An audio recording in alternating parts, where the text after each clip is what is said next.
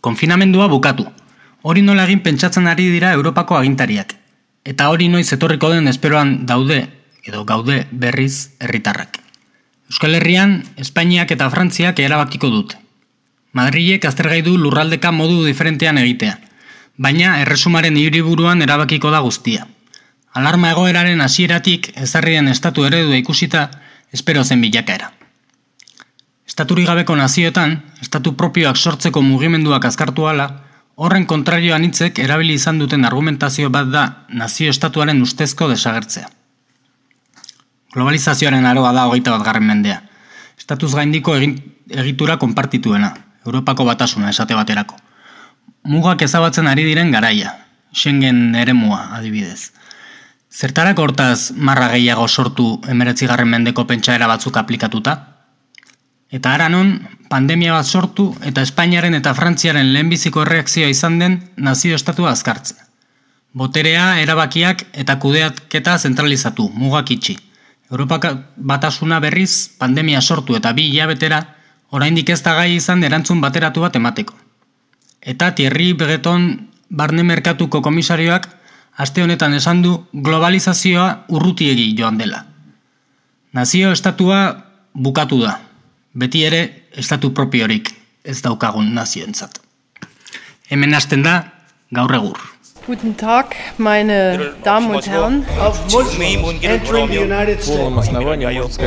C'est la lutte contre le terrorisme. Katea ez da eten.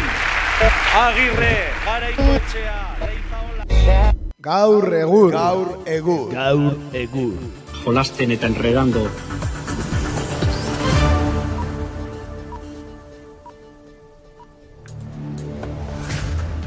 Kaixo, kaixo, hemen gaude berriz ere, bakoitza bere etxetik e, grabatzen podcasta, edo nola ditu duko, jo, ja, irratxaioa deitzea ere ez dakit.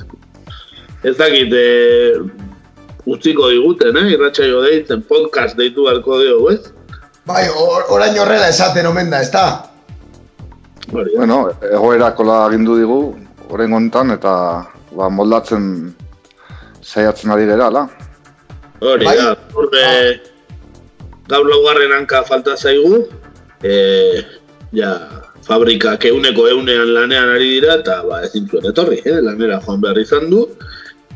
Eta ba, beste okemen nahi da, bideokonferentziaz, e, jakin dezazun entzule, ba, ni nire etxean nagola, baina beste bikideak batek atzean munduko mapa mundia daukala, eta besteak alaksako mezkita.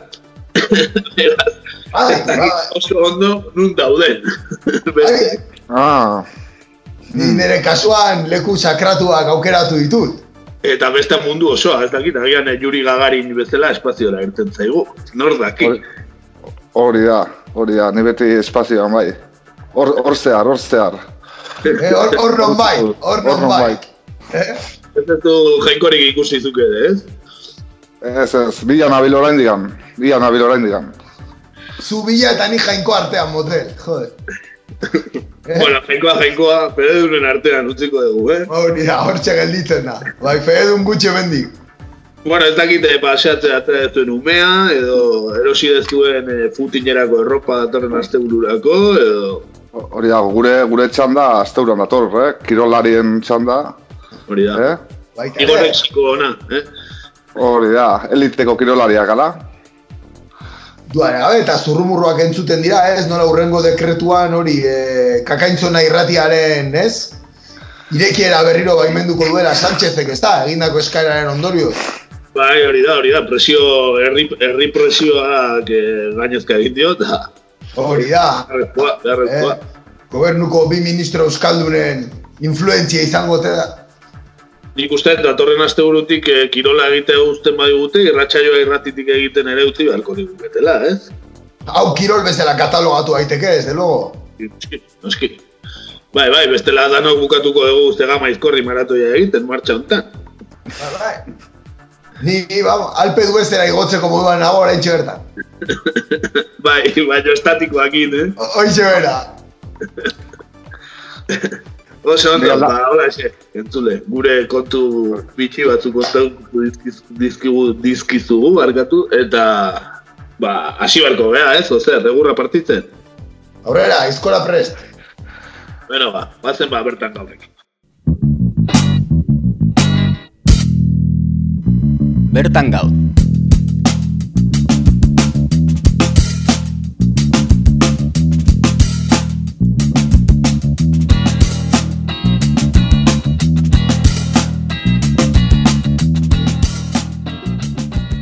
Bueno, ba, bertan gaurren e, COVID emeretzia dela eta ba, Italian geratu zaizkigun bertako gai batzuei buruz arituko gara. E, pandemiaz bakarrik hitz egiten den garai hauetan, ba ez ditugu aztuko egoera zail honetan gehien sufritzen ari direnetako batzuk. E, bai, euskal presoak eta euren senideak adibidez. Alde horretatik, aste honetan jakin dugu Josu Urrutiko etxea aske usteko manifestua sinatu dutela munduko hainbat e, pertsonaia ezagunek. Bai, egun pertsona ezagunek manifestu bat sinatu dute urrutiko etxea aske ustea eskatzeko. Oiz, kanpoko osasun egoera, COVID-19ak eragindakoa, argi eta garbi batera ezina da adineko pertsonak, edo virusaren aurrean patologia kalteberak dituzten pertsonak, espetxean mantentzearekin. Adierazi dute media parten bidez, manifestu bat zabaldu duten eunda hogeita sei pertsona ospetsu hauek. Manifestu horretan Josu Urrutiko etxea kategoria bikoitz horretako kide dela adierazi dute eta espetxeratzea bertan bera geratzea eskatu dute ere. Ba, e, manifestuak e, gogora ekartzen du militante bizkaitarrak Euskal Herriko gatazka armatuari irtenbide bat bilatzeko egin duen lana eta gatazkaren konponbideari lotutako bederatzi pertsonaren sinadura dakar. Hoien artean Jarri Adams buruzagi Republikano Irlandara, Andy Carl, Brian Currin, eh, Raymond Kendall, Veronik Duduret, Suresh Grover, Alberto Spektrovski, eta, bueno, beste hainbat ez. E, idatzi hori botere judizialarekin lotutako amazazpi pertsonek sinatu dute, eta artean Christian Taubira, Frantziako Justizia Ministroiak, Malik e, Salemekur, Frantziako Barne Ministroiak, legelari eta giza eskubideen ligako presidenteak, Ebaioli eurodiputatu ekologista hoiak eta Ediro de la Pradel nazioarteko legelariak. Frantziako erantzunkizunari buruzko ikerketa batzorde herritarraren presidenteak. Eta e, amalau legebiltzarkideek ere babestu dute demanda hau, zerrendan eurodiput- eurodiputatuak, Europako Parlamentuko kideak, Frantziako bi ganberetako kideak, e, Espainiako legebiltzarrekoak eta Nafarroako eta Gasteizko parlamentukoak ere. E, besteak beste, ba, Federica Jardina, Toni Negri, Bernard Stiegler edo Slavok Zizek filosofoak ere sinatu dute manifestu hau. E, beste hainbat mediku, unibertsitateko irakasle, artearen eta le, letren munduko hainbat ordezkari, eta horien artean daude adibidez King Lord zinemeagilea, Mari Deriusek idazlea edo Jean Paul Michel poeta eta gizarte zibileko pertsonaia ez. Eta ba hori, e, ba, manifestu hortan esaten dute ba, nola lehen esan dudan bezala ez. Josu urrutiko etxeak ba, kartzelatik ate- ateratzearen alde agertu ziren, eta bidez ba, COVID-19 lotutako ba, ezoizko osasun egoera dela eta ba, adinekoak eta virusaren aurrean patologia kalteberak dituzten pertsonak espetzean mantentzarekin ba, baterazina dela, ez, adierazi dute. Eta ba, pixka bat hori, ez.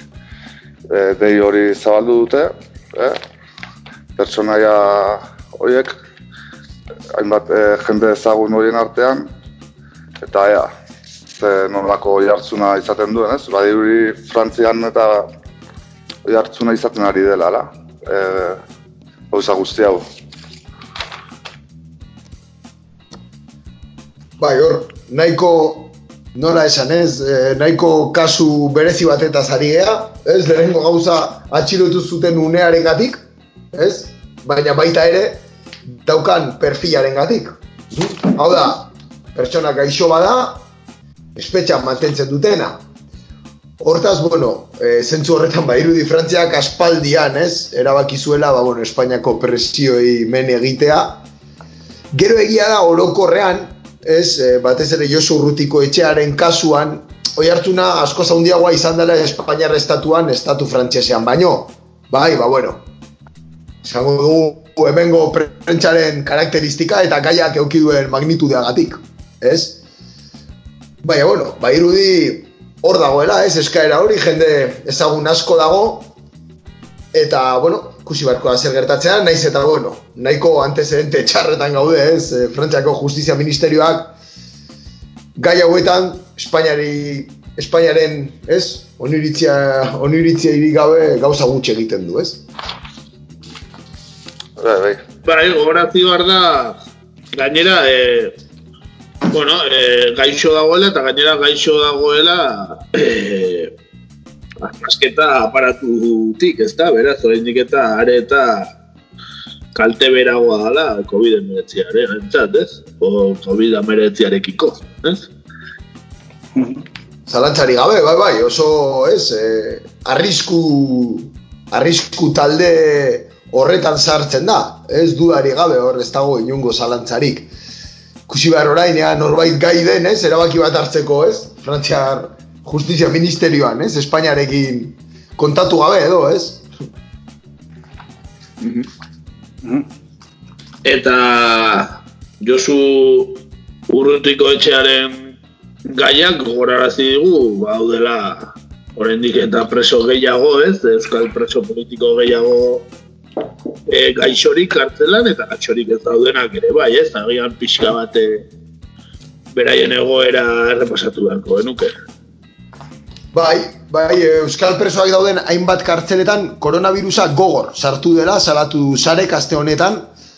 E, Sarek Euskal presoak dauden kartzeletan koronavirusa indartsu kokatu dela salatu du eta gaixotasun larriak dituzten plazak adin bakarrak eta kondenaren hiru laurdenak aspaldi bete zituztenak aske usteko eskatu berriz ere. Ba, hori, bai, hori ez, ba, preso dauden pertsonen eskubideak errespetatzen dituzten neurriak hartzeko eskatzen, eskatzen jarraitzen diote e, bai zarek eta gizarte erakundeek e, barne ministerioari eta espatxe, espetxe erakundei e, gizarte erakundeek ba, presoen eskubideak errespetatzen dituzten neurriak hartzeko eskartzen jarraitzen diote eta ba, ebidez premiazkoa da premiazkoa dela besteak beste irugaita mar urtetik gorako pertsonak e, gaixolariak eta gaixotasun kronikoak dituztenak eta emakume aurdunak espetxetik ateratzea eta gainera espetzen barruko jarduerari berriro ekiteko neurriak hartzeko ere eskatzen da ez. E, Ezkera, ezkera horrek e, neurri batean, berre, berretxe egiten du joan den martxoaren ogoita iruan diputatuen kongresuko barne batzordea osatzen duten talde politiko egindako eskaera, zenaren bidez, jaknerazten berizitzaien e, COVID-19 bizikitzak eragindako e, pandemiak eragindako ba, bizikidizako bizikiditza kalteak ba, pizkat ekiditeko ez eta pertsonak zer egoeretan dauden eta presoen eskubideak respetatzen dituzten neurriak hartzeko ere eskatzen diete ez. E, ba, erakundei adireztatekoaren arabera, naiz eta preso eta funtzionaren artean dagoeneko medikuen behaketan edo berrogei aldian mila zenbatu diren, eh, mila kasu, ba, e, COVID e, e, positibo e, eman duten berrenda hogeita mezortzi preso e, zenbatu dituzte, denera ez. Eta ez barne ministeriak ez diputatuen kongresuko barne batzordeak ez dute jaramonik egin e, bazkaera hoiei, e? eta e, pertsona hoien egoerari ba, kasu egiteko eskatzen dute ez. E, baita e, haien zendidei eta urriekoi ere ba, usteko beraekin kontaktu zuzena izaten ez nazioarteko erakundeak ezarritako printzipioekin bat, bat egiteko eskatzen dute ez. Eta e, pixka bat hori dena ez. E, osasunaren mundu erakundeak eta Europako Kontseiluaren torturaren prebentziorako batzordeak ba, espetxe inguruneko COVID-19 arazoi heltzeko eskatzen die, eh? eta emandako gomendioak eda bat jarraitzeko. Eh? Ba, ikusten danez, eh, ez zaie eskara hauei jaramon gehiagi egiten, ez? Eta gero, eh, salaketa eta beste gizarte erakunde batzu dagokienez, eh, ia bete baino gehiago izolotuta egon ondoren, e, ba, gizarte erakunde hauek agerian utzi dute martzoaren amabiaz geroztik espetxeetan sortutako egoera ba, ez estatu egin behar dela, ez? Eta eskatzen dute gutxienez eta lehen bailen e, berekin diezetela urbieko familiekin eta pertsonekin kristalezko komunikazioak egiteari eta dagozkien osasun neurriak hartuz eta urbieko familiak eta pertsonak espetxetara leku aldatzeko baimena emanez, eh? eta era berean ba, eskatzen dute ba, kartzelen barruko jarduerari ekiteko, eh? lehen aipatu dugu bezala, eta premia handiagoa e, dutenak, ba, bai izan adikzioak, osasun mentalak, edo e, terapia beharren dadun jendea, eh? edo harrera atxetara e, hartutako programak, ba, horrela jarraitzeko ez. Ba, ematen duenez, e, jarduera hori danak eten da dara ez. Eta horiek, e, ba, e, albo kalte handiak eta egiten dizkie ba, preso ez. Eta ba hori pixka bat e, gizarte erakunde horiek egin duten salaketa. Bueno, ba, egoera gogorra presoena ez, eta hori azkenean, ba, gehienetan bezala azkeneko, ez, estatua azkena gogoratzen dena presoetaz da, ez da? eta bere egoera eta, ez? Eta preso batzuen eta inoiz ez du gogoratu nahi gaina, ez? E, e, horretaz gain, ba, bueno, deseskalatze hau hasi omen da, hasi komendan deseskalatzen ere, ba, alderetako bat izango litzateke, noiz berra ezartzen diren bisitak eta hau, ez da? Mhm. Bai, bai, bai, bai, orain bintzat bisitarik ez dago, eta eta hori komunikazioak ba, bideo deiez edo telematikoki egiten dira, baina egia da, presoen egoera, bueno, konfinamendu da zitze egitea, bueno, utxi, e, uskeri bada, kasu honetan, ez, konfinamendu bikoiz batetaz ari garelako, ez, patio orduak galtzen ari dira, ez dago aktibidadeak egiteko aukerarik, ez dira bermatzen segurtasun, osasun segurtasun neurriak espetxetan, beraz, ba, bueno, berriro zu komentatzen zenuna, ez, azkenean beti azkenak izaten dira, ez, presoak egoera larrien e, ari dira eta eta kasu honetan ba errepikatu egin da, ez? Hortxe daude eta kontagio desente egon dira, ja dagoeneko espetxetan batez ere e, kartzeleroak eraman da, ez? Edo bai. baita polizia, polizia kustodiatan egin da, ez? Mhm. Bai, ez dago zenbaki zehatzik ez dago, lehen bota ditut zenbaki batzuk, E, bueno, hori, eh, hau zifra dantza bat dago, eh? lehen aipatu dut, batzuk berreun dago itamarreko zifra esaten zuten, beste batzuk ere esaten duten mila izan daizkela infektatuta hon daizkenak, bueno, eske ez dago, ematen denez, ez dago datu garbirik, ez? Barne ministreren aldetik edo espezia zuzendaritzaien aldetik, ez? Bai, pentsa ezagun kalean dabilen jendeari testik egiten ez basaio imaginatu espetxeetan, ez? Bai, bai, argi dago, ez, eh? Testa garesti daude eta ba, espetxetan azkena, dudari gabe, eta egitekotan funtzionario egingo diete, hori argi dut. Hoxe bera, ez? Baina, bero, ba, egoera alatza eta jende gutxi gogoratzen dena, ez da? Zeren, e, gu, ez, jende ari entzuten diogu, jo, konfinamendu enten hau kartzelan egotea ez dela da, eta ez, ez, ez lagun, ez da kartelan egotea. Ez, ez da, ez, ez da kartelan egotea. Urdangarin kartelan egoten bezala egotea. Hori da, hori da, akaso hoixe izango da, eh? Bai. Eh, eh, esaten dute gutxi gora bera, eh, mila inguru eh, kartzeletan edo lan egiten duten edo funtzionarioen eta artean mila inguru izan daizkela eh, berrogei aldean daudenak, Baina, e, berreun dago konfirmatutako kasuak bezala, baina ez dago zifra garbirik, eh? pentsau. Ez dute umea Eta segura eski ez da egongo. kartelari desinfektatzea ez dute biali umea erik ez, edo bai. Ba, martutenen uste eta egon zirela. E, Bai. espetxea desinfektatzen, bai, hain dela ama bostegun o hogei egun, bai. Baina, bueno, tira, ez dut uste esfortza hundirik egingo zutenik. Hori ez dakigu. Hala ere, e, bueno, egoera ba, hori, latza latza da, eta, eta hori, presoena, eta bisita joan ezin duten zenide eta lagunena, ere bai, eta ea, ea hori noiz bueltatu daitekeen, ez? Ere, bintzat, bisa-bisak ez direnak, ez? Nahiko errez era, egin daitezke era seguruan, ez? Esan dezagun. Duari gabe, beste gauza bat izango litzake distantzia mantentzea. Normalean bisitan aurretik oso leku eskasean bisitari guztiak sartzen dituztelako. Hor beste kakotxarten traba bat topatu Bueno, daiteke, ez? egin dezatela harrera provisional bat, ez karpa bat edo zeo zer, ezta? Seguro Bueno. egingo. Horixe bera, ez?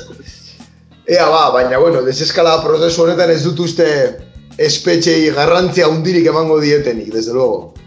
A- Agian e, okurrituko zaio Marokoko erregea bezala indultuak ematea hemen e, denei, jakizu, ez? Etzaio okurrituko Espainiako erregeari edo Pedro Bueno, ba, Sánchezi. batzu dut ematen nahiko zalek dira, eh? Hoxe, esan barrun. Bai, ez, bai, Rodrigo Rato behintzat etxean dago, ez? Okerrez banago. Langarine bai, ezta? Hoxe, abizen kontu bat. Bai, Galindo, Galindo ere zen denbora egin egon, ezta? Ez da bere eh, kideak ere, ez. Ea, bueno. Bueno, denaen berri gehiago utzi dizkigu, ez? E, aste honetan, bueno, gaur nahiko parte de guerra moduan jarri gea, ez da? Bai, bai, bueno, eh, da. aspaldi ikutu gabeko gaiak, ba, ba, banaka egin beharrean, ba, bueno, danak zaku berdinan zer ditugu, danak ere nahiko erlazionatuta daudelako, ezta? E, honetan, ba, azte, aurreko astean jakin dugu baita ere, herriko tabernen auzia, ez, ba, Guain dela bost urte ematzuten epaia eta orain hasi direla kontuak enbargatzen eta abar eta abar. Ba bai, bai, aste honetako berri bat izan da, esan bezala hoxe audientzia nazionala herriko tabernen kontuak baitzen hasi da, emezortzi urteko jazarpenaren ostean. E, Espainiako auzitegi gorenaren 2006ko ekaineko epaia, egun da zazpi herrinak inkautatzea aurrera, e, auzitegi nazionalak esekutatzen hasi da, eta sortuk eman du jakitera berri hau. E, Oraingoz kontuak baitzen hasi dira, esan bezala, eta hoxe alarma egoeran dago kontua, ez? Egoera, eta, bueno, ba, emezortzi urteko prozesu baten ostean, orain egitea erabaki duten kontua da. Bai, e, hori atzuk aipatu ezun bezala, zideia kontu korronteak enbergatzen, eh? dagoeneko hasi die enbergatzen, eta 2008ko sententzia bat da, egun da hiru herriko tabernei ba, eragiten dira, eh? konfiskatzeko agindua meten zaie eurei, taberna horiei, eta e, nola etaren egitura zirela egotzita, eh? beraien finantziazio bide zirela egotzita, ez? eta 2008an auzitegi gorenak berdetxe egin zuen epai hori, eta baitzeko purua eunda batean utzi zuen, ez? Eunda bat lokal izango dira guztira. Baltasar Gazon epaiak hasi zuen hauzia, zuk aipatu zela, oain dela emezortzi urte, ja, eh? emezortzi urte luze Pentsa, pentsa ze anakronismoan gauden, ez? Hori da. Baina, kompletamente, ez, kasu honetan. Eta kuriosona garai honetan, ez da? Zatik, Bai. eh, esan nahi dut, kontuak enbargatzen hasi daitezke, baino lokalak iztera eta ez dira, bai, joango, ala bai. Agian momenturik eh, errazena dute, horretarako ere. Bai, bai, ez dirudi momentu txarra, ez? E, operazio polizialak burutzeko, ez? Kasu honetan judizialak, ez? Isteak burutzeko, protesta hundirik gabe, arazo gutxirekin, ez? Ez da momentu txarra ere? Beraien, beraien posizioan jarrita diot, eh? Bai, bai, bai, bai, du, dudari gabe, dudari gabe. E, eta aprobetsatuko dutela egoera, ba, ez ez zitu harritzen, eh? Ez zitu harritzen. Bai, bai, bai, bai, to- tabernak eta sozietateak eta bar itxita daudenean, ba, hauek ez berrerak i- e- irekitzeko, ez? E, prozesua, ez? Jarri dute, ez? Hori, da, tentazioa ez, que tentaziorik ez egoteko agian ala, eh? bai, hori da, hori da. da, hori da. Baina ez dituzte irekiko, ez dakit, ez dakit, ikusi behar, orain gozpentzat ez dira joan, ez da? Zute Hori da. Ez, eta nik uste eta garrantzitsua dela ere, pentsatzean nola esekutatuko duten sententzia hau. Hau da, ez dut uste, ez dut momentuan Eusko alderdi jeltzealeari mesede asko egiten dionik ertaintzaren presentzia egotea ekintza hauetan, ez da? Ez, ez, baina ez balde mago kalean erantzunik ere, eh, nahiko, Diskreto. bai, oi hartzun handi gabe pasako da. Oh.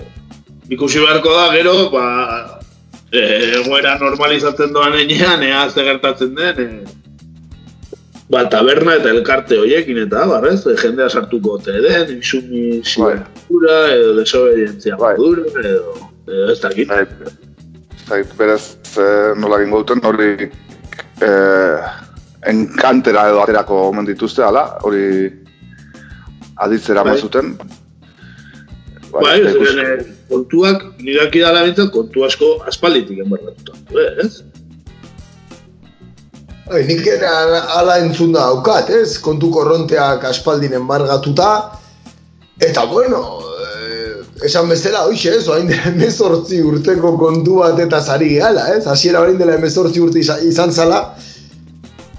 Bera garaien inventario batzuk ere egin ziren, ez? Elkarte eta taberna hauetan. Eta horre egon da kontu hau, airean, ba, pentsa, 2000 eta bitik. Bai, Bai, eta- epaia hain dela bost urte. Ba, bost urtetan ez dutela ezer egin. Ja, bazirudien inoiz ez dutela egingo, eta orain ba, badirudi egoera hau albidetu dutela, ez? Oso hor aukera, aukera handia ikusi dutela hau aurrera emateko. Mhm. Ba, bai, ba, eta guztia, ba, eunda bat eh, lokal edo taberna izango dira. Eh, afektatuak. Eta, ba, ikusiko dugu. Eh? Ba, ikusiko, dugu, e, bueno, entzule jaingo dute, ba, esanguratsuak asko dira, ez da, herri askotan, eta gure herri dagokinez, ba, amalur elkartea dagoela egun bat horien Eta ikusi egin behar, ea nola amaitzen den edo edo zer gertatuko den ikusiko dugu, eh? E, jendea futin egiten dagoen bitartean joango eta diren ertzainak eh, amalurra adibidez iztera edo nola izango den. Bai, akaso beraiek ere futina egite joango diren, eh? Ez dakit ba, ez dakit ba, nik uste kotxean jungo diela behiek, baina bueno. Eh, Ah, agi- agian batzuk etxalo egitea ateako dira baita ere, eh? Kontu guztien Baliteke. egin. Eh? Baliteke, agian sirenaz konfunditu eta, eh? Agian aprobetsatu dezakete ordu hori baita ere, eh? Konfusio egoera hori. Zortzi, zortziretan, eh? Zortziretan, txa, txalo artean, eh? Bai, bai, bai. direla sinistu idazu. Zaretik inezakete, bai. Agian, hori, agian, eh, bazpare albidentu nahi dute egoera hau, ba, gero berriro tabernak irekitzen direnean, ba, ea zein botatzen di- dituen txikiteroak, ez da? Eh? Beste denbora eta gero. Hoixe bera. Pues bueno. Vale, ba, hola xef. Eh, errepasatu ditugu gai hauek, eta guazen nazioartera, ozer, iruditzen zaizu. Oso ondo, Guazen ba. guazen ba nazio artera.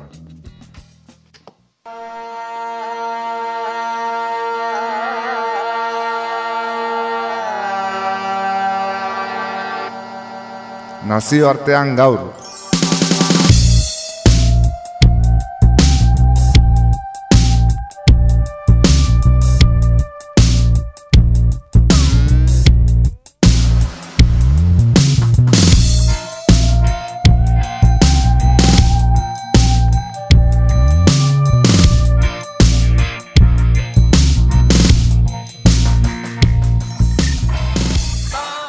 Gaurkoan, gure nazioarteko atalean, azken asteotan mundu osora edatu den COVID-19aren pandemiaren beste ondorio bati erreparatuko diogu. Petrolioaren jetziera historiko bat ikusi izango dugu azken asteotan. Honek, inongo zalantzari gabe, ondorio ekonomiko ugari utziko ditu, baita munduan botere harreman aldaketak ere. Gaurkoan, jetziera honen zergatia eta bere balizko ondorioak azaltzen ale egin duko gara.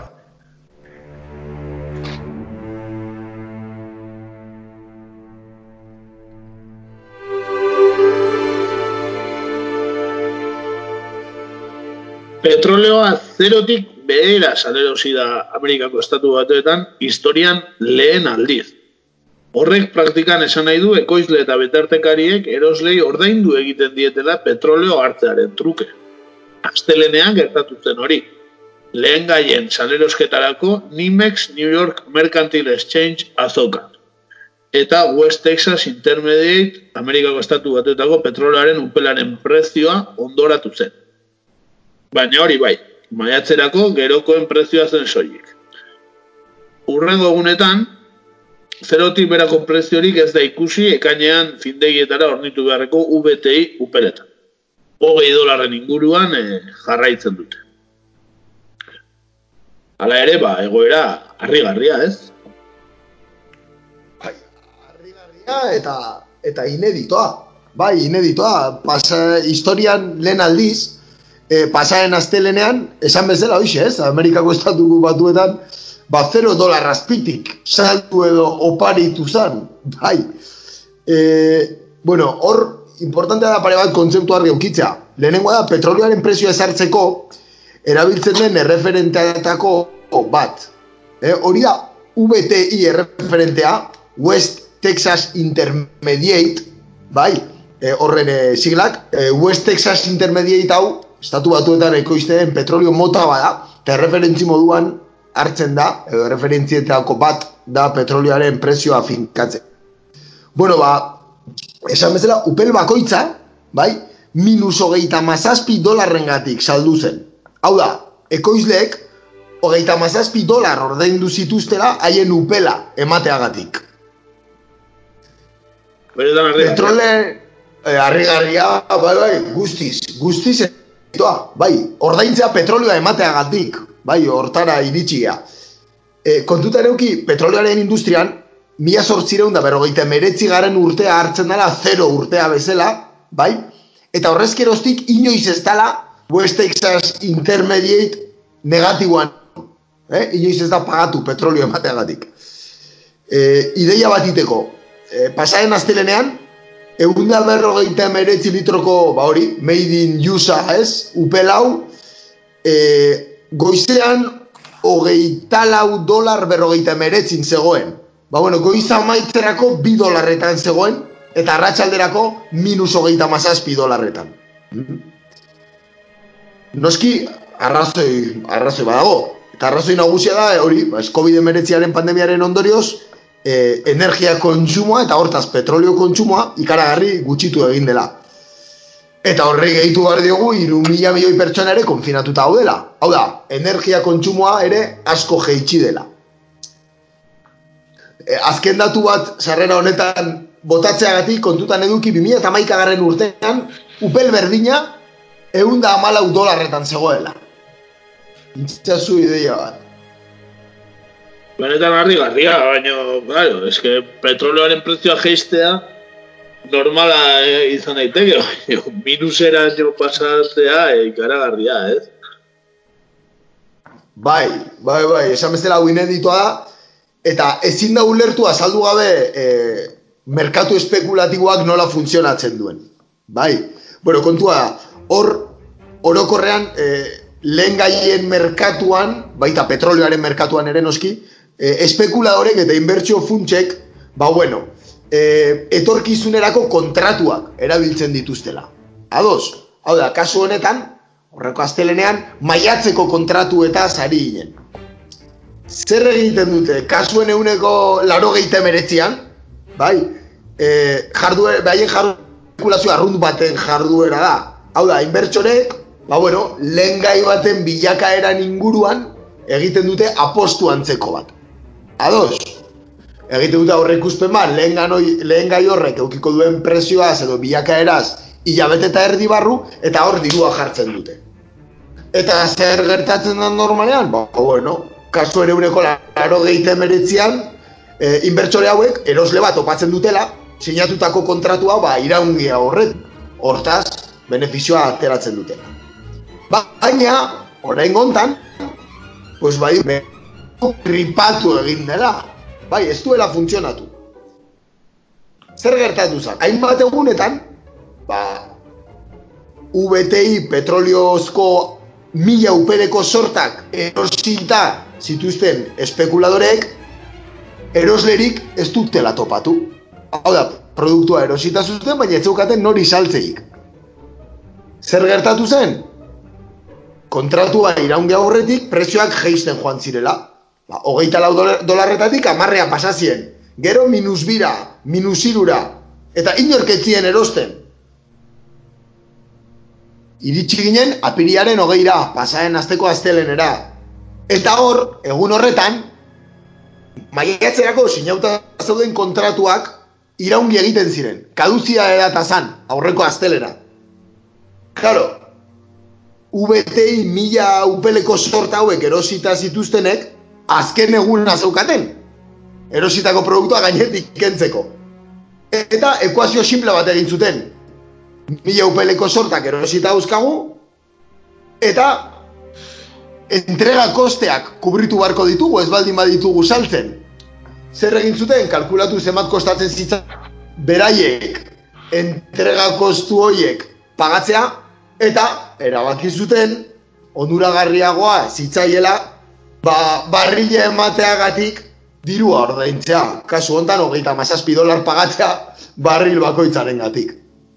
Eta hoxe da gertatu dena. Bai, mekanismoak ez duela funtzionatzen kasu hontan, o enbalatu egin. Benetan harri garria, ez? E, agian ez zintutelako gehiago gorde, bai, ez da, edo zer? Hoxe da, bigarren ezinbesteko faktorea kontu guzti hontan biltegiratzearen kapazitatea da, bai. E, datu dago, importantea dana jakitea jarraitu aurretik. Zortzi astetan, hau da, COVID-19an konfinamendu hasi zanetik, petroli eskaera mundiala eun milioi upeletik irurogeita zazpi milioi upel baino gutxiagora pasatu dela.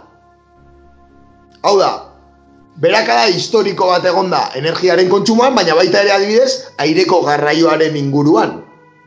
Horrek zer egin du, egun milioi upeletik, irurogeita zazpi baino gutxiagora pasatu. Munduko eguneko petrolio kontsumoa. Zer gertatu da? Petrolioa ekoizten zuten herrialdeek, ekoizten duten herrialdeek, egoera aurreikusi bai egin zutela, baina adaptazio metodologia oso malgu erabili zutela. Eta ikusten danez, ez da nahikoa izan. Ez dute jakin egoera berrira adaptatzen. Honi, egiten zaio, erakundean, OPEP erakundea, lurralde petrolio esportatzaien erakundea, bai, e, bueno, petrolio, munduko petrolio produktoren nagusiak batzen dituena, eta erakunde horren barruan oso akordio txikietara heldu dira, herrialdean beste modu baten esan da. Produkzioa, nahiz eta eskaera inbeste jeitzien, produkzioa era oso txikian gutxitu dute. Gutxo gara bera, amabos milioi upel gutxiago ekoitzi dituzte egunean. Gainera, tentsioak eragin ditu, egoera honek tentsioak eragin ditu petrolio esportatzaien artean. Kasu Errusia eta Saudi Arabiaren artean. Bai, ekoizpen tasaren arira, etzien ados jarri, Eta Saudi Arabiak esan zuen, bale, ba baraja utxikoet. Ekoizpen handitukoet eta pretsiok txikituko ditut. Denon kalterako, beraien onerako bakarrik. Beste modu bat da, labur biltzeko, bai, eskaera asko gutxitu da, konfinamendua eta eta energia kontsumoaren gutxitzaren ondorioz, eta gainera, gehitu zaio, faktore ekonomikoa.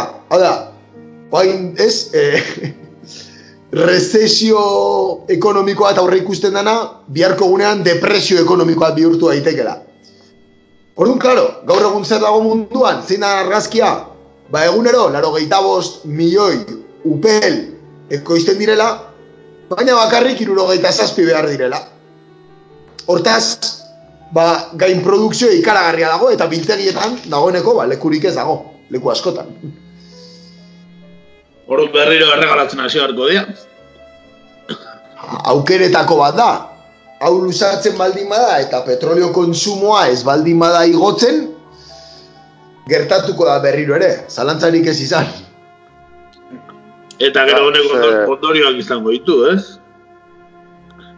Izan, esan izango ditu ondorioak e, normaltasun batera bueltatzea prezioak igoko dira, ez? Alde batetik, petroleoa beraien ekonomiaren e, zutabe nagusia den herrialdeentzat ere ondorioak izango ditu. Bueno, ba bai, de hecho, bueno, dagoeneko ja ondorioak eduki ditu.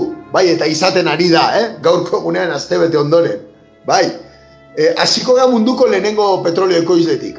Estatu batuetatik hasiko gea. e, ona ez iristeko gobernuak aurreikuspen bat egin barra zeukan eta modu drastikoan txikitu bar zituen bere petrolio ekoizpenak. Hori ia edonork esan dezake. Zer gertatu zen? Ba bueno, Trumpek, ba bueno, estatu batuetako petrolio industrian lagun asko dauzkala, bai, eta favore asko zor ditula, eta, eta bere inguruan ere eta bere alderdian e, petrolio sektorean inbertsio asko egin dituen jendea dagoela. Hortaz, bueno, lagunak edo pozik edukitzeko, ba, produkzioarekin jarraitu zuen. Zein da konsekuentzia? Ba, esan dezakegu bere hankarei tiro egin diola. Bai, orain, egoera nahiko deserosoan aurkitzen delako. Gainera, estatu batuek batez ere, arazo doble badakate. Lehenengo hau, biltegi goraino azkatera eta petrolio oparitzen dabiltzala. Bigarrena zein da? Estatu batuak, lehene- munduko lehenengo ekoizle bihurtzeko, hau da, Saudi Arabia eta Rusiaren aurretik, eh, lehenengo ekoizle bihurtzeko, eh, eskisto petrolioa eta petrolio mota ez konbentzionalak produzitu zituela. Horregatik iritsi arrankineko lehenengo postura. Zein da kontua, eskisto petrolioa eta beste derivatu horiek ekoiztea oso garestia dela. Eta upela berrogei, berrogei tamar dolarretik bera baldin badago ez dala rentablea. Momentu hontan, hogei, eh, hogei dolar ingurun dago upela. Beraz hor, karagarrizko galerak egoten nahi die, eta horrela jarraitzen bari badu, produktore askok hitz egin marko dute. Hori estatu batuetan, munduko lehenengo petrolio ekoizlean. Bago beste herrialde bat, bereziki kolpatuta dagoena kontu honekin. Pentsatuko zuen moduan Venezuela da. Bai, Venezuelan entzat oso albiste txarrak, dira hauek. Petroleo ustiategi gehien dituen herrialdea, ez? Petroleo Hori. reserva. Hori da, erreserba gehienak dituenak, eta bere ekonomiaren edo esportazioen euneko laro marra petroloan oinarritzen dituenak. Hau da, gaur egungo goera Venezuelaren eta bere herritarrentzat katastrofe bat izan daiteke. Gaina, gehitu bar dizkiegu zigorrak, estatu batuek, ez? Ez harri dizkioten zigorrak, guzti honi. Eta guzti honen ondorioz, pentsauko zuen moduan, estatuak diru sarrera askoz gutxiago euki behar ditu. Horrek, arazoa suposatuko dio, herrialdea gestionatzeko, baina baita ere, Txinarekin eta Errusiarekin dakan zorra ordaintzeko.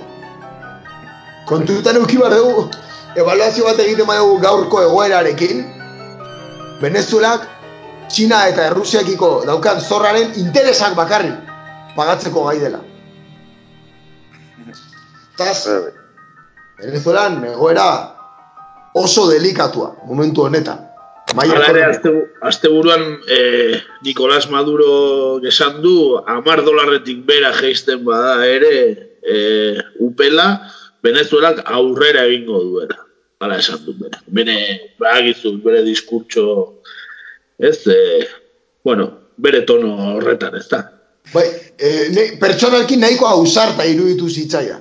Hori publikoki esatea. Pentsatzen dut, formazio gehiago manejatuko dutela eta guain ezagutza askoz gehiago eukiko dutela.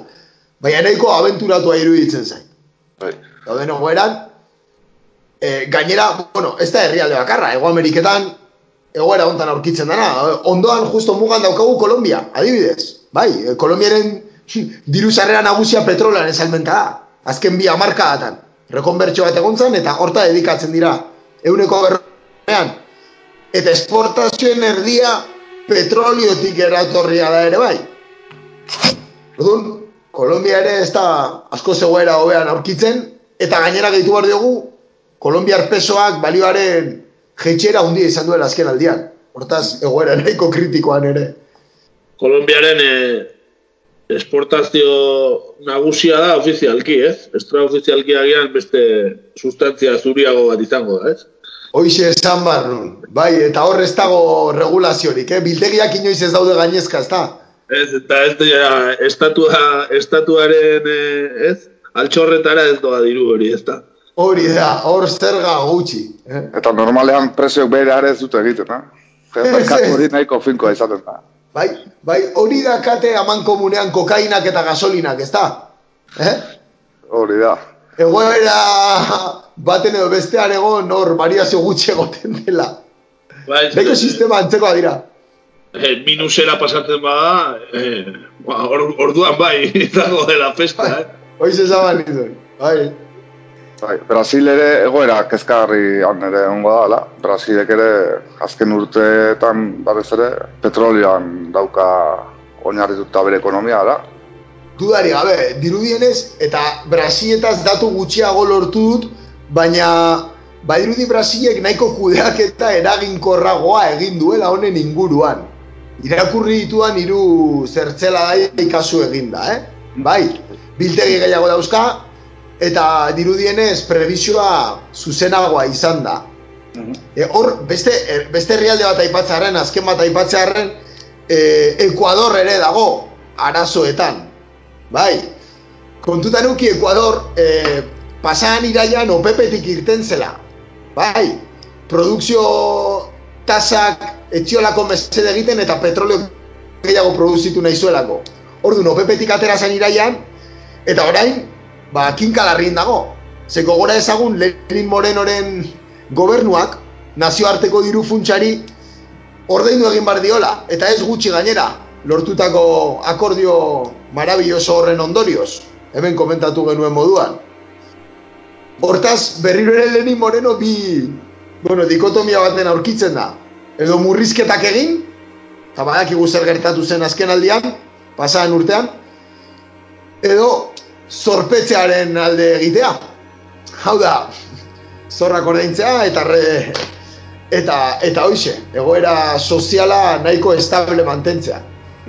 Tamalez, tamalez esango nuke bigarren aukeratuko, osea lehenengo aukeratuko duela. FMI-ren eta petrolaren esku Lenin, eh? Ikusi behar da, ikusi behar dana, eh? Bai, bai, ikusiko, bai, barkatu, bai, ikusiko dugu baita guztionek eh, ekialde hurbilan ere ze ondorio eragiten dituen ez, zatik eh, Sa- Saudi Arabia bezalako herrialdeak ere petrodolarretan oinarritzen dira, eh? Bai, hor, gauza bat, e, konkrezio bat egitearren, ez, zer galdetu daikegu, jo, zergaitik, ez, e, Ameriketan egoera hau dago, eta eta Europan ez dugu hainbeste entzun agian, ez? Ez da hainbeste zalaparta egon. Bale, hor kontua e, hemen, orain komentatutako egoerak, irakurri ahal izan dudanez, e, West Texas e, komentatutako VTI, bai, e, barriaren ondoratzearen ondorioz izan direla, bai. Eta Europan eta beste herrialde batzuetan Brent barrila erabiltzen da indize moduan edo beste i, e, nola esan, erreferentzi baten moduan. Ados? beste neurri bat. Hori da, hori da. Eta badirudi horregatik ez duela orain behintzat hainbeste faktura pasa Europan edo edo beste herrialde batzuetan. Hori da, bai. Brent barria hori, eh, Londresen kotizatzen den unidadea da eta erabiltzen dana Europan. Bai, eta baita ere dakidanez er, eh, ekialde hurbileko leku batzuetan. Hala ere, hala ere kontsumoaren galera eta nabarituko zuten baita ere, ekialde hurbileko Emiratoek eta Arabia Saudik eta. Segurazki, segurazki, dudari gabe, bai, hori nabarituko zuten, egia da ere hornitzen duten pertsonen kopurua asko handiagoa dela. Kasu Asia hornitzen dutela. Bai, e, diot adibidez, e, Iranen kasuan, Txinaren hornitzaile nagusia dana petrolioaren gaian. Bai, edo Errusiaren kasuan, ez? Txinari ere petrolio asko saltzen diona. Hor, klabean nuen dago, Europan ez dala ia petroliorik ekoizten.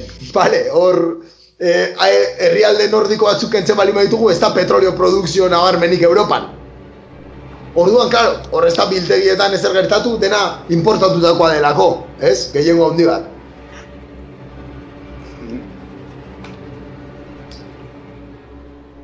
Ba, ikusiko dugu, nola, eh, bukatzen den historia guzti hau, nola ere egiten dion kontu honek eh, ba, tokiko ekonomiei, eh, ziur ekarriko dituela eh, bere ondorioak eta bere gatazkak.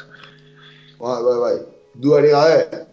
Estatu batuetan arazo ekonomiko larria egoten dane, normalean ez da behaien lurralde nazionalean gelditzen, ez da? Ez, ez. Agian, e, pentsatzen jarri naiz, orduan, e, hain famosoa den peak oila, eh? orain hainbeste piko, koronavirusaren pikoa eta gero, ea, petrolaren pikoa benetan ez dauten garen iritsi, eh? Orain, e, honekin, agian gero, orain pikora iritsi gabe. Izan daiteke aldak, aldaraketa bat eh, hogeita bere, bederatziko krakarekin edo eh, badago konparatzerik. Ba, hombre, petrolioaren munduan bai, hau ineditoa dalako. Kontutan euki behar dugu hori, eh? barrila oparitzearen egun bateko kontua izan zara, kontratuak, maiatzeko kontratuak kadukatzen zutelako. Bai, ikusi beharko duguna da, ea, urrengo hilabetean, hau da, maiatzaren hogeian berdina gertatzen den, ekaineko pedidoekin. Eta hortxe dago klabea, ez? Ea zerbait ziklikoa bihurtzen den, edo lortzen duten logistikoki eta politikoki kontu guzti hau, ba bueno, alik eta modu egokienean eramatea, ez? Esan bezala Trumpek interes asko dauzka petrolioaren industrian eta bere alderdikidek ere bai, beraz, bueno. Arraro. Bai, hori da. Oso ondo, ba, gai interesgarria. Beti ere, eh? herrialde exotikoetan eramaten gaituena. Bai, beharra bai, ez da. Hori da. Eta bestitxoa jarriko dugu, ezta? Bai, bai, gaur, bueno, oso, ez? Klasiko bat ekarri dugu, oso petrolio, eh? Petrolu usaina duen, doi, soinu bat edo, e, mitiko bat, Johnny Cashen Ringo Fire ekarri dugu, bai, irurogeita iruan grabatutakoa. Hori da, hori da, eh? Zuzko eraztuna, eh? Johnny Cashena, ba, hor txentzungo dugu berzio, eh, bueno, bere berzio, ez lehen berzioan edo, Bai, originala hori da. original, hori, berzio originala, Johnny Cash, hor du.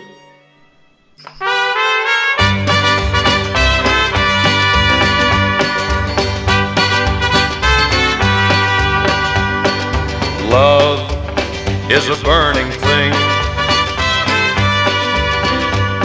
and it makes a fiery ring. Bound by wild desire, I fell into a ring of fire. I fell into a burning ring of fire. I went down, down, down, and the flames went higher. And it burns, burns, burns. The ring of fire, the ring of fire.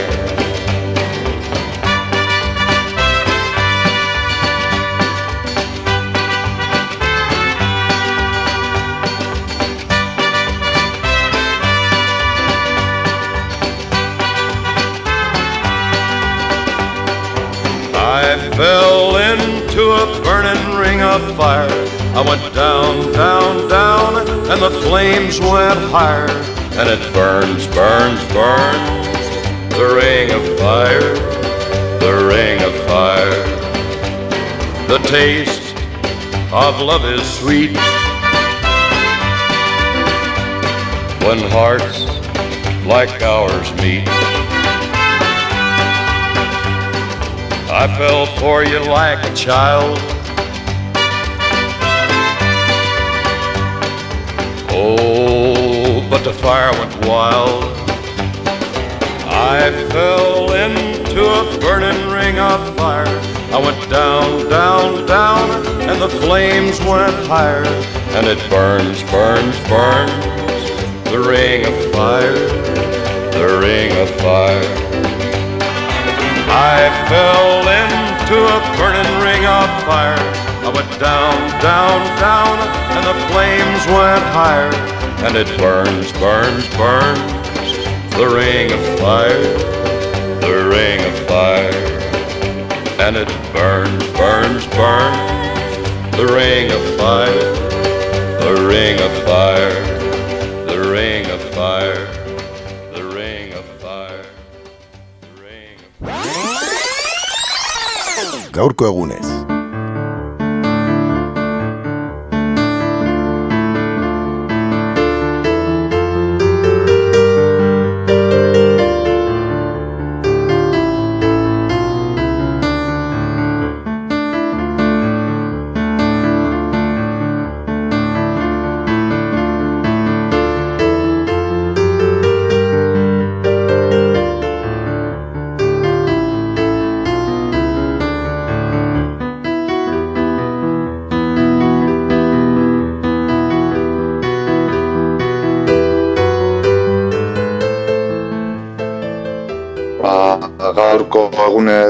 Atalean, Portugal aldera joango gara, eh? asko gustatzen zaigun lurralde horretara.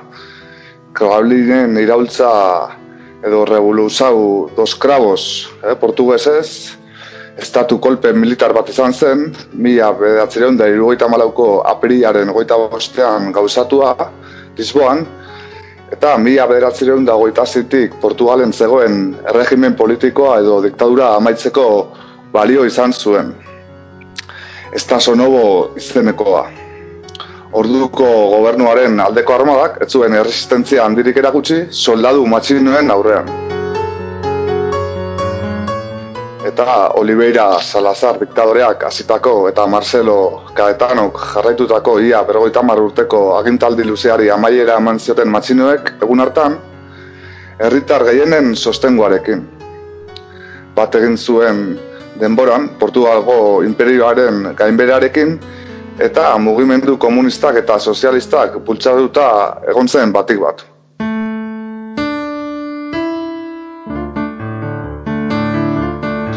Eta, bueno, pizkat gaian sartzeko, zein egoeratan zegoen Portugal e, iraultzaren garai haietan.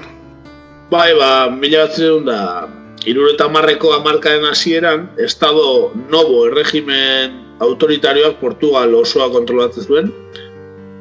Mila batzireun da irurogeita ezortzian ala ere, bere sortzailea zen Antonio de Oliveira Salazar, e, txeko istripu batek e, batik, ba, garuneko ematon ba, bat izan zuen eta e, horren ondorioz gobernutik baztertua izan zen. Eta mila batzen da irurogeita marrean e, hil egin zen, Oliveira Salazar. Marcelo Caetano ordezkatu zuen e, erregimenaren zuzendaritzan. Erreforma politikorako edozein saiakera bertan bera utzi zen e, aldaketa horretan, eta erregimenaren inertzia eta bere polizia politikoaren botereak ba, izan ziren oso garrantzitsua ba, Oliveira Salazar hilda ere aldaketa hori, lider aldaketa horretan ez egoteko inungo aldaketa politikorik, ez? Eta hori, esan bezala, ba, nazioarteko polizia eta estatuaren defentsarako polizia, bezala ezaguna den PIDE, portuguesez PIDE, polizia sekretu edo politikoa eh, garrantzi handia izan zuen horretan. E, Portugalek gainera, ba, giza baliabide eta material, baliabide material handiak inbertituta zituen e, ba, herrialdera eusten zailak ziren e, koloniak, ez? Gerra kolonialean sartuta zegoen eta Afrikako kolonia asko eusteko ba, zailtasun handiak zituen Portugale garai horretan. E, jarrera horrek e, Europako gainerako potentzia kolonialekin e, kontrastatzen zuen gainera. Izan ere, naizta Portugale baino baliabide gehiago izan, Europako beste herrialdek nahiago izan zuten Afrikako kontinentetik ahalik eta modu egokiagoan egokienean atera eta eta merkeenean, ez? E, eta Portugale justo kontrakoa egin zuen. E, gerra kolonial sutsuan sartu. Bai, e, beste hainbat saiotan ere aipatu ditugun Afrikako kolonien auziak ere eragin handia izan zuen iraultzaren sorrera hontan, ara? Bai, hori da, ez orain dela inbeste Angolaz eta hitz egin genuen, ez da? E, Hori da. Ba, bai, dana lotuta dago kasu honetan ere. E, mila bat ziren da, iruduta malauko otxailean, erregimenaren botere faktikoek eh, Antonio de Espinola generala, eta bere aldekoak eh, kargutik entzera behartu zuten kaeta, no, buruzagia.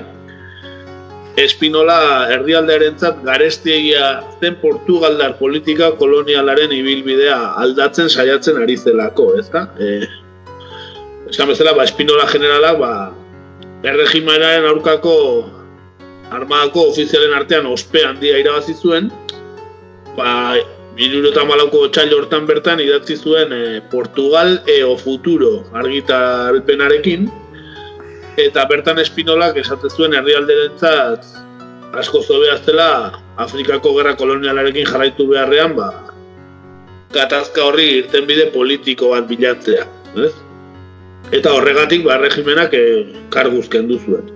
E, espinola generala.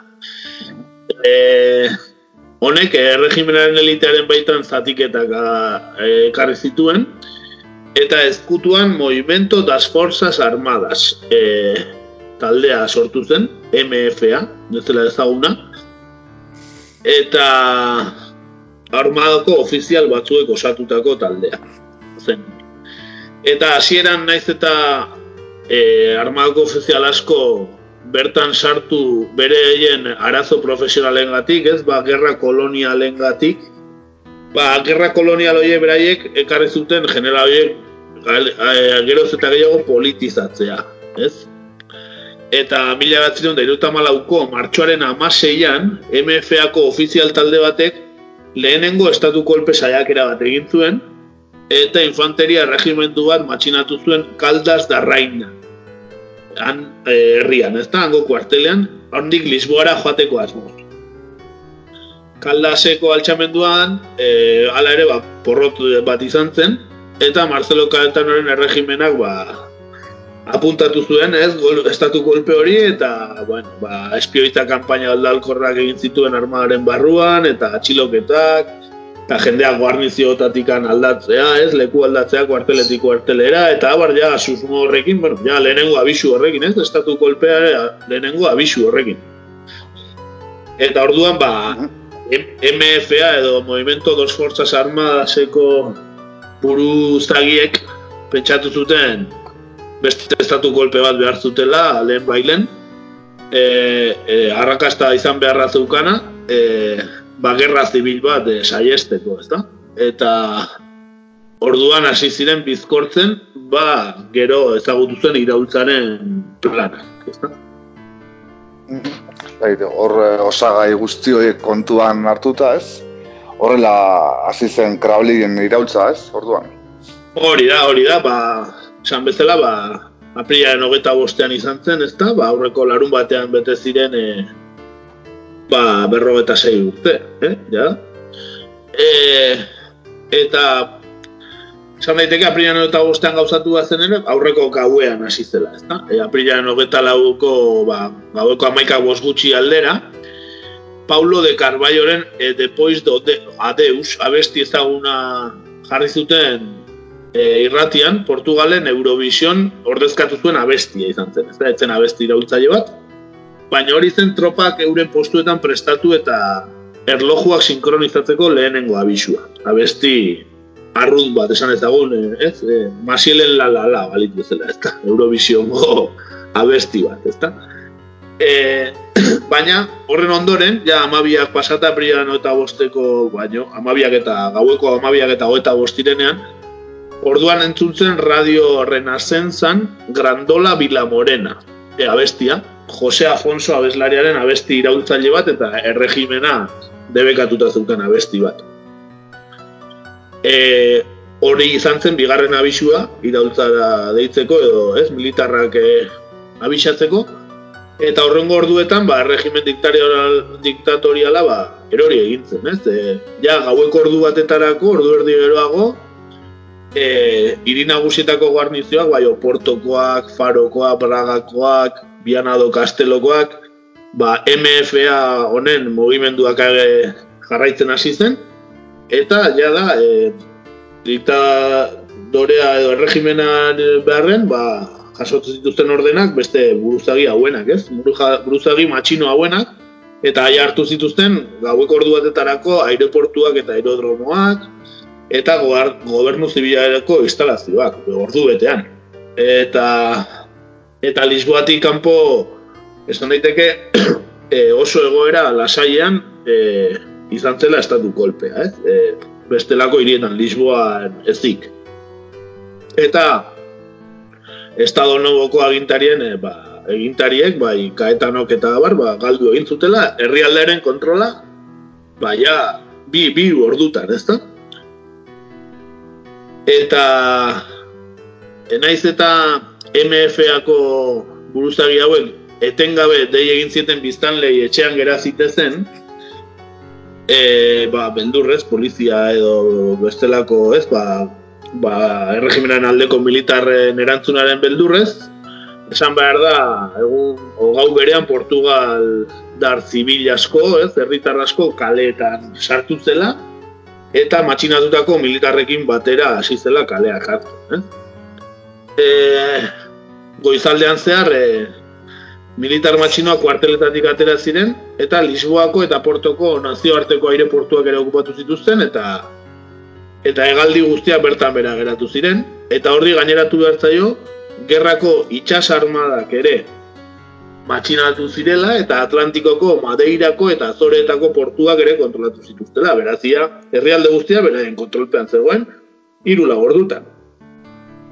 E, San behar da, abiazioak hasieran zalantzak zan bazituen ere, azkenean MFA-ari jarraitzea onartu zuela, eta esan daiteke goizeko lauetarako ia e, bueno, matxina gehiena eginda zaukatela, baina kaetano erregimen burua diktadorea ba, goizeko lauetan ja enteratu zen matxinagaren berri eta orduan ja sorpresa faktorea galdu zutela.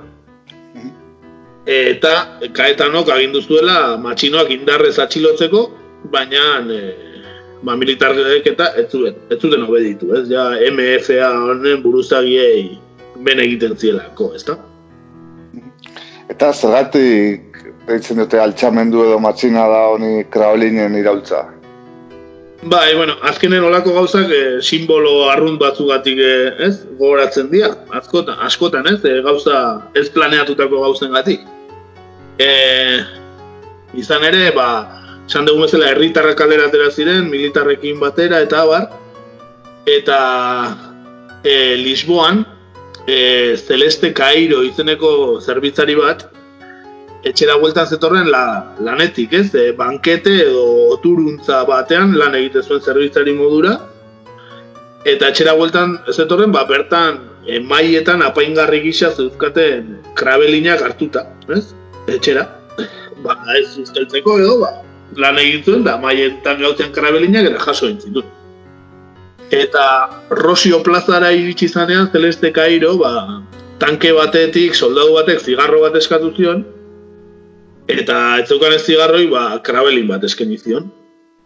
Eta soldaduak, ba, krabelina bere kainoian barruan sartu zuen, bere fusileko kainoian, eta bere beste soldaduek keinua errepikatu zuten, eta orduan ba, historiarako geratu zen nola, ez, ba, kainoietan krabelinak jarri zituzten, esan ez bezala, ez zeukatela tiro egiteko intentzio horik, ez? E, ondo baldin bat zikon, iraultza baketsu bat izango zela, ez? Eta horregatik geratu zen, krabelinen iraultza Mhm. Bai, baitu irudi batzuk buruan, bai, e, telebistan eta ikusita. Bai, Bai, eta, dena, sekula ez genukela pentsauko, ez, eh, kasualidade horren ondorioz, ez? Izan Hori da. irudi horiek. Beti ematu prestatutako zerbait izan dara, edo. eh? hori da, bai, historia bitxia, bai. Gainera esan behar da, e, krabelinak ziela, e, denbora garai hontan azten direlako, eh? Ez, ez beste ez erregatik, eh?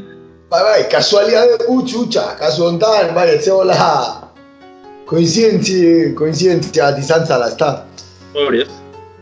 Eta, e, zer gertatu zen diktadurako buruzagiekin, eh? iraultza eta gero.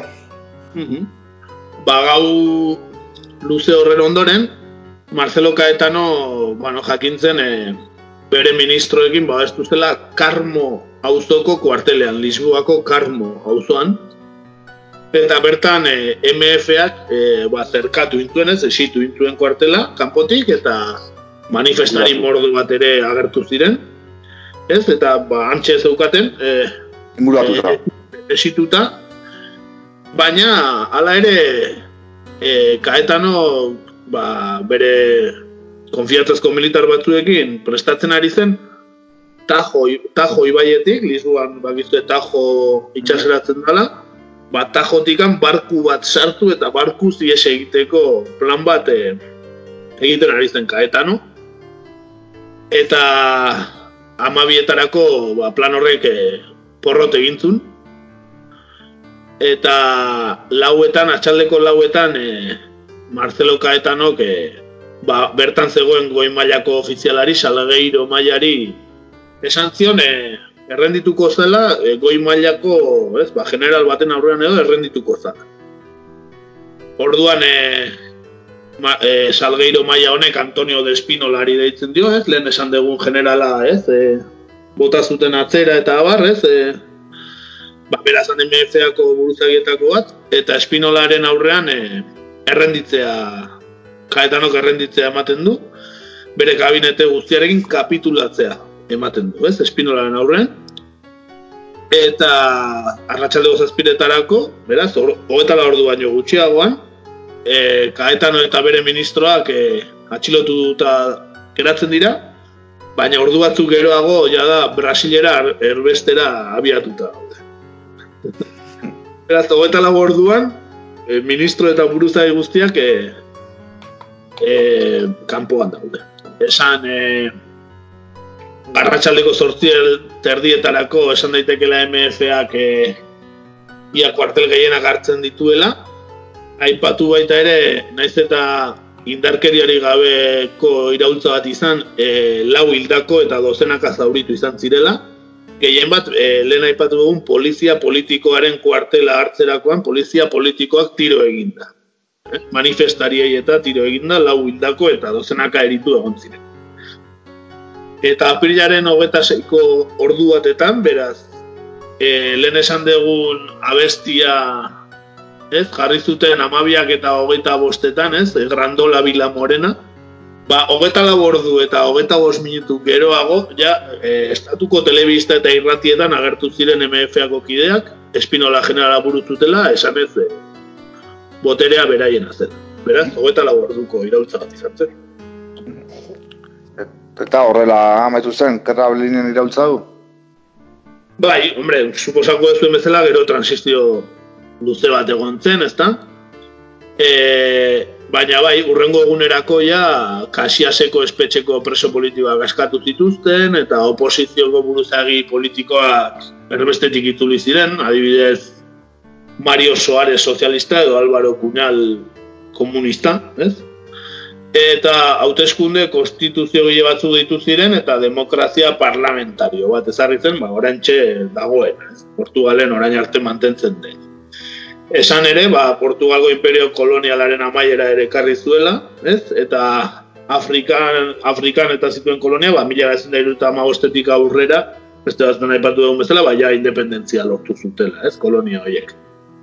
E, hauteskundeak izan ziren ja datorren urrengo urtean, ez, iruro eta magostean, eta Mario Suarez erbestetik itzulitako sozialista izan zen garaile, e, Sakarneiro erdi eskuinekoa eta Alvaro Kuna, hau ere aipatu dugun e, buruzai komunistaren aurretik. Baina gara eta guztiz ere, ez ziren amaitu militarren eta alderdi politikoen arteko gatazkak eta urrengo bi urteetan, klabelen iraultzaren ondorengo bi urteetan, ezker eta eskuinan arteko bor, e, borroka handiak egon ziren eta behin behineko bost gobernu izan zituen Portugalek bi urteetan, eh? Beraz, e, egun, hogeta labor dira zituen iraultza, baina, bueno, pero normalen bezala transizio luze bat, ezta? Eta iruro eta masiko apirilean, baina hona bai onartu zuten eh, gaur egun daukaten konstituzio hori, ezta? Eta bai, esan daiteke, ba, orain ezagutzen dugun Portugal ja hortigan hasi zela, eh? Bai, badirudi haiek benetazko trantzizioa egin zutela, da, Portugal darrek, ala, e, beraien bizilagunen aldea. Bai, estatu aparatuetan eta badirudi betzat, ez, trantzizio bastante garbiagoa egin zutela, ez? ez dela diktadorea oean hil.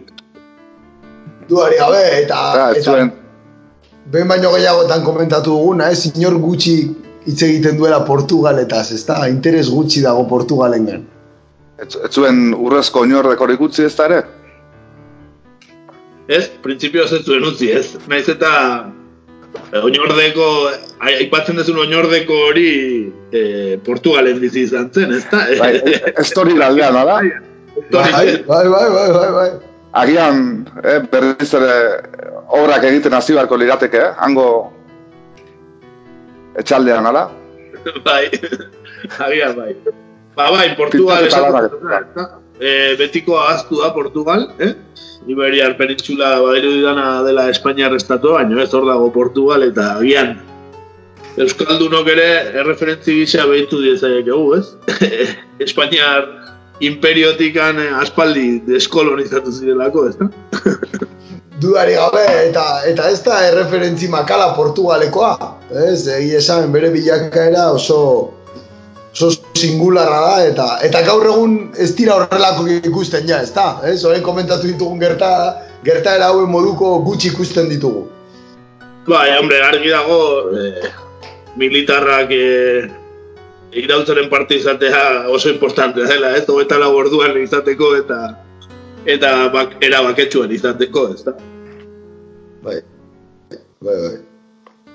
Bestela zaila, zaila dago, ez? Erregimenaren alde baldin badaude militarrak ez da ez da erresa horrelako zerbait bideratzea, ez da? Ez, ez, ez, hildakoak eta sarraskiak hortik etortzen dira normalean. Ba, hoxe, hoxe pixka gogoratu nahi genuena, ez da, azte honetan e, bete dela, Krabelinen iraultzaren efemeridea, eta besti bat jarriko dugu. Bai, bai, bueno, e, hitz egin dugu, ez, abesti honetaz, bai, Grandola Vila Morena, eh, abestia entzungo dugu, e, esan bezala, bueno, e, Jose Afonsoren abestiak e, markatu zuen lehenengo mugimenduen hasiera, eh, radio Renasentza izeneko irratiak, ba, bueno, herrialde osora zabaldu zuenean, eta e, Jose Alfonso, zeka goitizenez, e, musikari eta abeslari portugadarrak konposatu zuen abestia e, krabelinen irautza baino urte batzuk lehenago. Bera sortzez, Grandola hiriko musika elkarte bati omenaldia egiteko sortu zuen abesti hau, eta Salazar diktadorearen erregimenak, e, Jose Alfonsoren hainbat abesti zentsuratu zituen, baina abesti hau e, disko batean, agertu zen Frantzian, mila bederatziron da irurogeita maikan, eta Krabelinen irautza baino egun batzuk lehenago, irautzan parte hartu zuten zenbait militarrek entzun zuten zuzenean. Hain zuzen ere, e, irurogeita malauko martxoaren hogeita bederatzean, izan zen Lisboako koliseoan, eginiko zuzeneko emanaldiko azken abestia, eta antziren MFA taldeko zenbait militar, eta Krabelinen irautzari hasiera emateko seinalea izango zela erabaki zuten bertan. Hortaz, Eta- historia polita gana bestia. Hori da, eta ordutik, ba, Portugaleko historiara pasaren abestia, ez da, eta beti ba, iraultzarekin erlazionatua geratu dena. Ba, entzun ezagun Grandola Bila Morena abesti bikaina. Eta bueltan gara.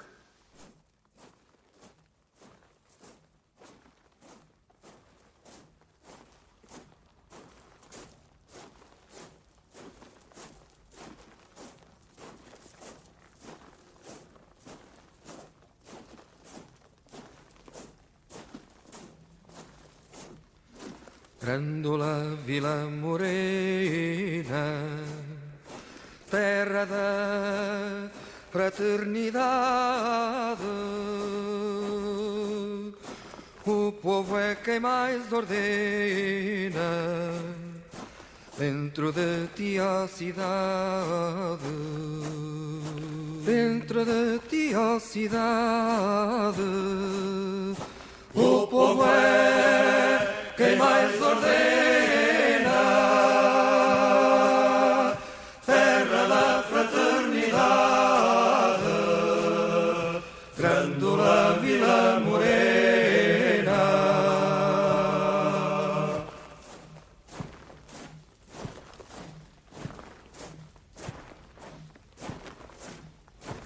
Em cada esquina um amigo, em cada rosto igualdade.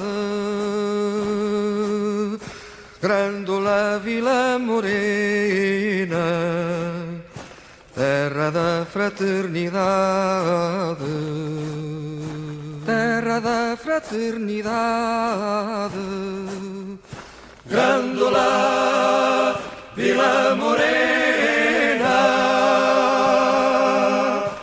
em cada rosto igualdade, o povo é quem mais ordena.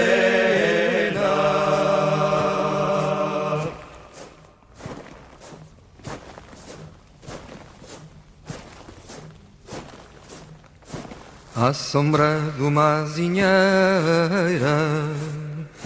que já não sabia a idade. Jurei ter por companheira Grandola a tua vontade. Grandola a tua vontade. Jurei ter por companheira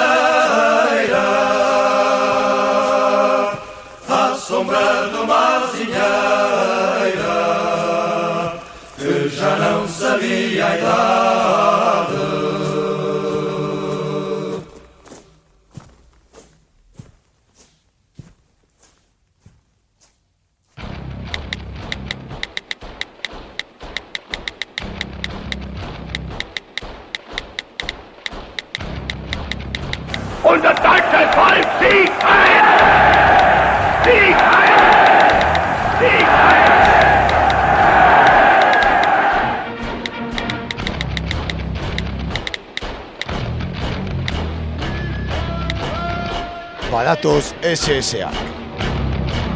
Sare sozialetan egur.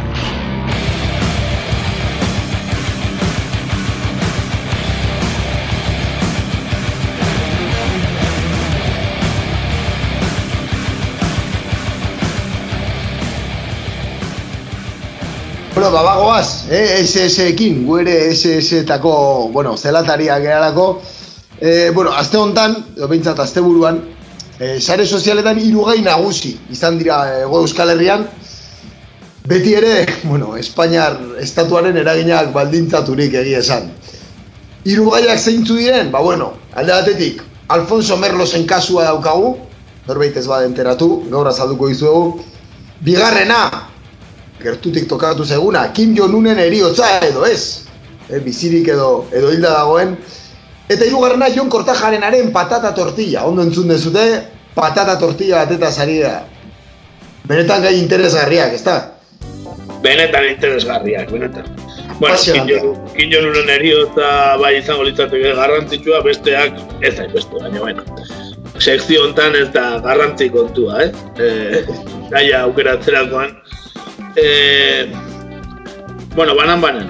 Alfonso Merlosena gainetik aipatuko dugu, eh, ematen dulako, bueno, muntai bat izatearen eh, ba, kiratx handia igortzen du kontu guztiak.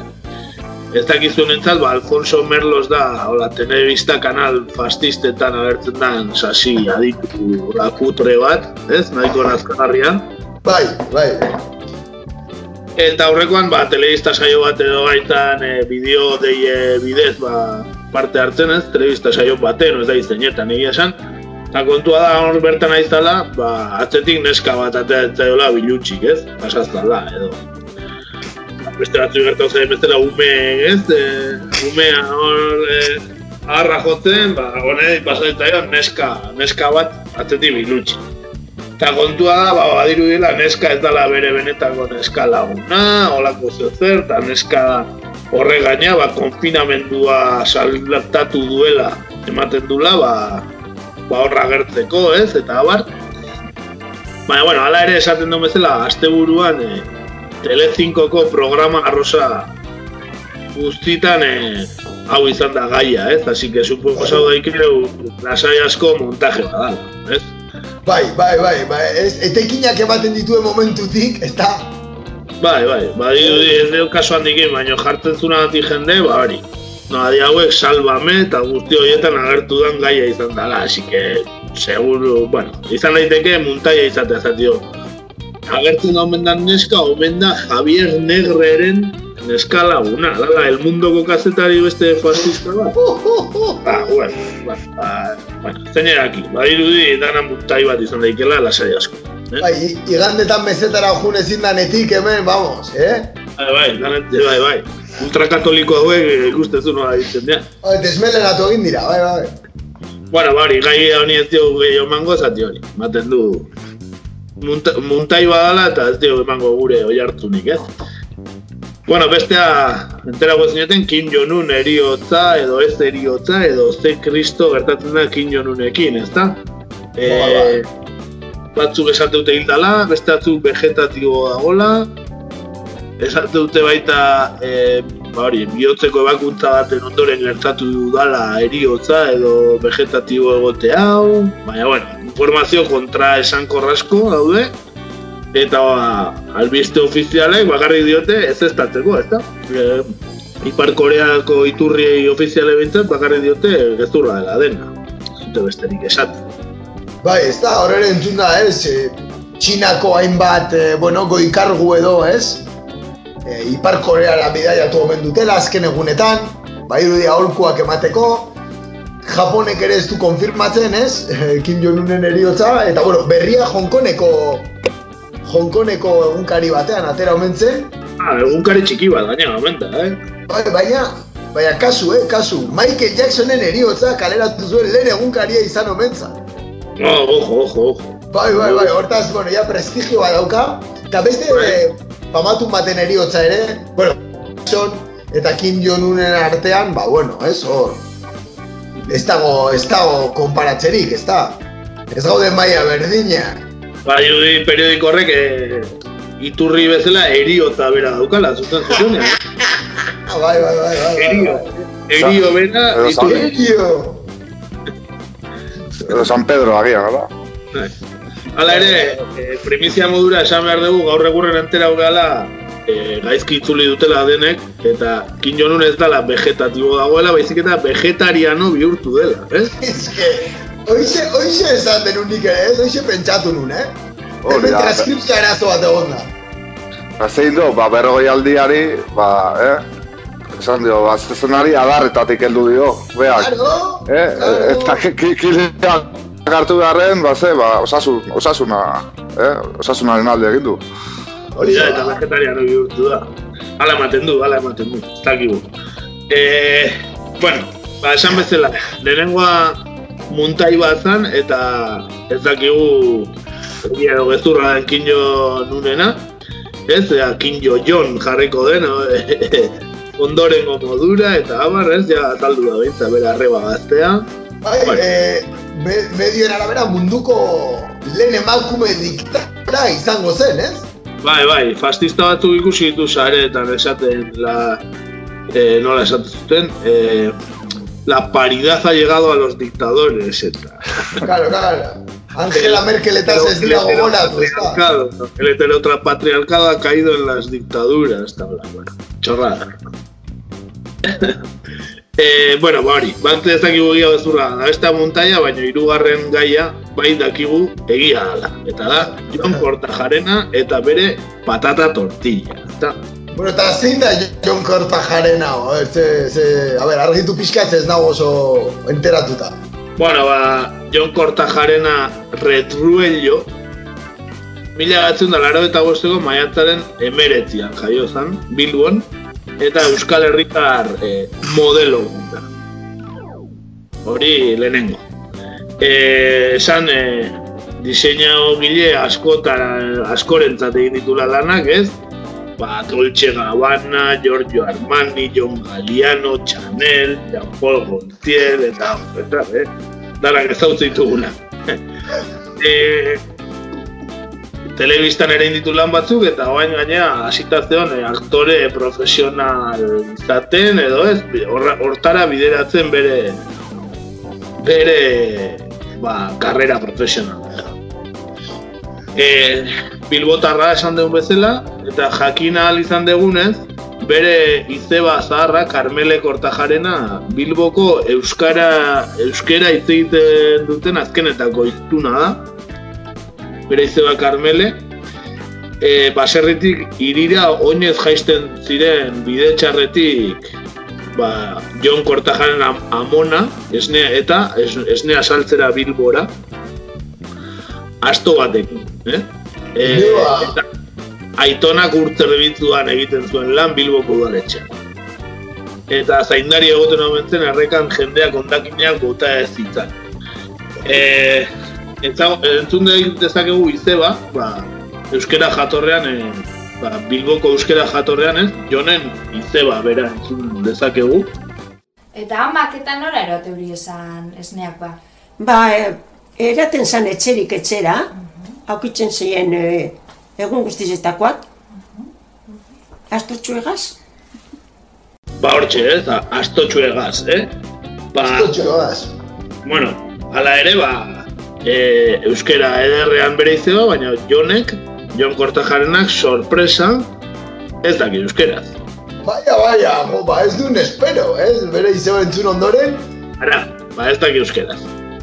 Entzun dezakegu adibidez hemen, e, hala ere badakiela arratsalde hon esaten, eta aitite esaten ere bai, eh? Bilbotar ospetsu modura saria jaso zuen behin eta horrela aipatu zuen. Buenas tardes, Arrachaldeón. En primer lugar, me gustaría agradecer este reconocimiento a, las autoridades y a todos los bilbaínos y bilbaínas. eh, y a partir de aquí estoy improvisado. Así que bueno, me gustaría nombrar en un día tan especial a, mi madre, porque es la mujer más valiente que he conocido nunca y, una mujer a la que admiro profundamente. A mi padre, porque es un hombre que me ha enseñado valores y es un buen ejemplo para mí. Y a mi hermana, que es la cosa más bonita del mundo. Ellos son los que me hacen seguir para adelante cuando las cosas están difíciles y, y por eso en un momento tan bonito quiero nombrarlos. Um, I also would like to say thanks to all these people who make my life happy every day. Y por supuesto me gustaría mm, mencionar especialmente a mi tite, que es quien me enseñó la cultura vasca, las tradiciones, que es quien me enseñó a, a amar esta ciudad como la amo. Y aunque él no puede estar hoy aquí, sé que de alguna forma está y, y se lo mando donde quiera que esté. Muchas gracias a todos y buenas noches. Ba hoxe, eh? Entzun dugu, eh, gaztelaniaz badaki eta, eta inglesez bai, baina euskeraz ez. Hala ere, bere aititek ondo erakutsi dizkion euskal ohitura eta kulturak, eh? Hala esaten duguak. Baina euskera ez zion erakutsi. Oixe, esan behar akaso ez zuen, baina bueno, tira, ez? Baina, oze, guazen kort, kortilaren kontura, ez? Bai, hori, eske galdetu behar nun, galdetu behar nun, ez? Eh, Hori, hori, osea, zergaitik aia Jon Kortajarena ezagutzen? Da, ze, ze gertatu da tortillakin, o... Zertako ekarri dugu hona gaur? Ba, ojo, ojo. Kon- Kontua da Jon Kortajarena Los Angelesen bizi dala, edo, ez? Eta bere amak, ba, bere amari koronavirusa estatu zioten aurrekoan. Eta Jonek, ba, entzun dugun bezala, dala ez oso importantea eta bere ama, ba, Bilbora etortzea erabaki zuen e, abioia hartuta, aurreko asteburuan ez, ba, bere amaren gana. E, gaueko amabietan ez, e, iritsi zen etxera, aireportutik, eta gozkailua ba, utxik aurkitu zuen. Ai, ama. Eta ez okurritu zitzaion, ba, gose zamorratzen izan joni, ba, okurritu zitzaion, globo bidez, patata tortilla bat eskatzea. Gaueko amabitan, eh? No me jodas. A ver, a ver, a ver. Gaueko amabitan tortilla patata eskatzen hasi izan. Bueno, eta, eh, ez ez dakit, osea, no, no, zergaitik? Ez zeukan ezer erosteik bideen, o hegazkinen etorriko zan, ez zuen ezer erosi bidetik ez zuen afaldu? Zerrez, zerrez. Zerrez, baino, haueko amabitan konfinamendun, globoi tortilla, patata tortilla eskatzea. Okurritu zitzaion gizonak. Vale, eta, ze, ze, ze, osea, Ba, kontua da, beak, e, publikatu dula Instagramen, e, nola, ba, globokoek ez ziotela bialtzen, eh? Tortilla, itxosozko tortilla, ba, ba bi ordu zain egon eta jonek, ba, erreklamatu entzun, eh? Eta bere Instagramen jakin Ba, bere Instagrameko jarraitzaileok, nik beti nik jarraitzen bai da, Instagramen adibidez, ba, entere ginen, baion gizajoa, ba, tortilla egaratzen ari zala. Bi ordu gero. Gaixoa, bi ordu gero, ez dago eskubi. Eta globorekin edukitako elkarrizketa publikatu zuen. Orduan, aste zan jon esan ez, llevo casi dos horas esperando una tortilla. Eta beste, eh, voy a revisarlo, espera, disculpa, eh, en un momento estoy contigo, eta beste, Llevo esperando dos horas para una tortilla. Lo de huevo es una vergüenza. Si no podéis dar un servicio, no lo deis, pero esto es jugar con el tiempo y el dinero de la gente. Dos horas para una tortilla de patata eta gero jartzen du mayúsculas. Y, las ilusiones.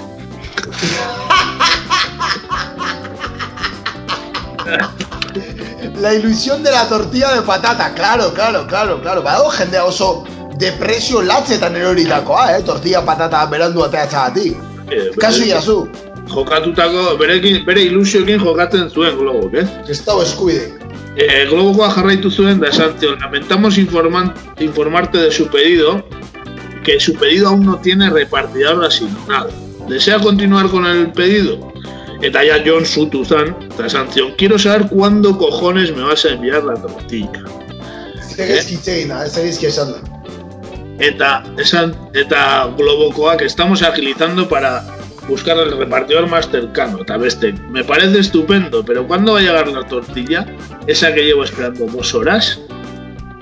Eta hola, ba, esan zion, eh, Leicester eh, saiatuko ziala eta bukatzen jonek esaten, pues si después de dos horas no podéis decirme cuánto tiempo más va a tardar, por favor, cancélame el pedido y nunca más pediré una tortilla con vosotros. Esaten zuen esan, eh, eh, ba, Federico Trillo bailitan, manda huevos.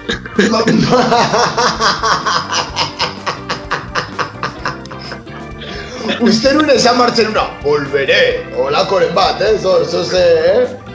Terminator.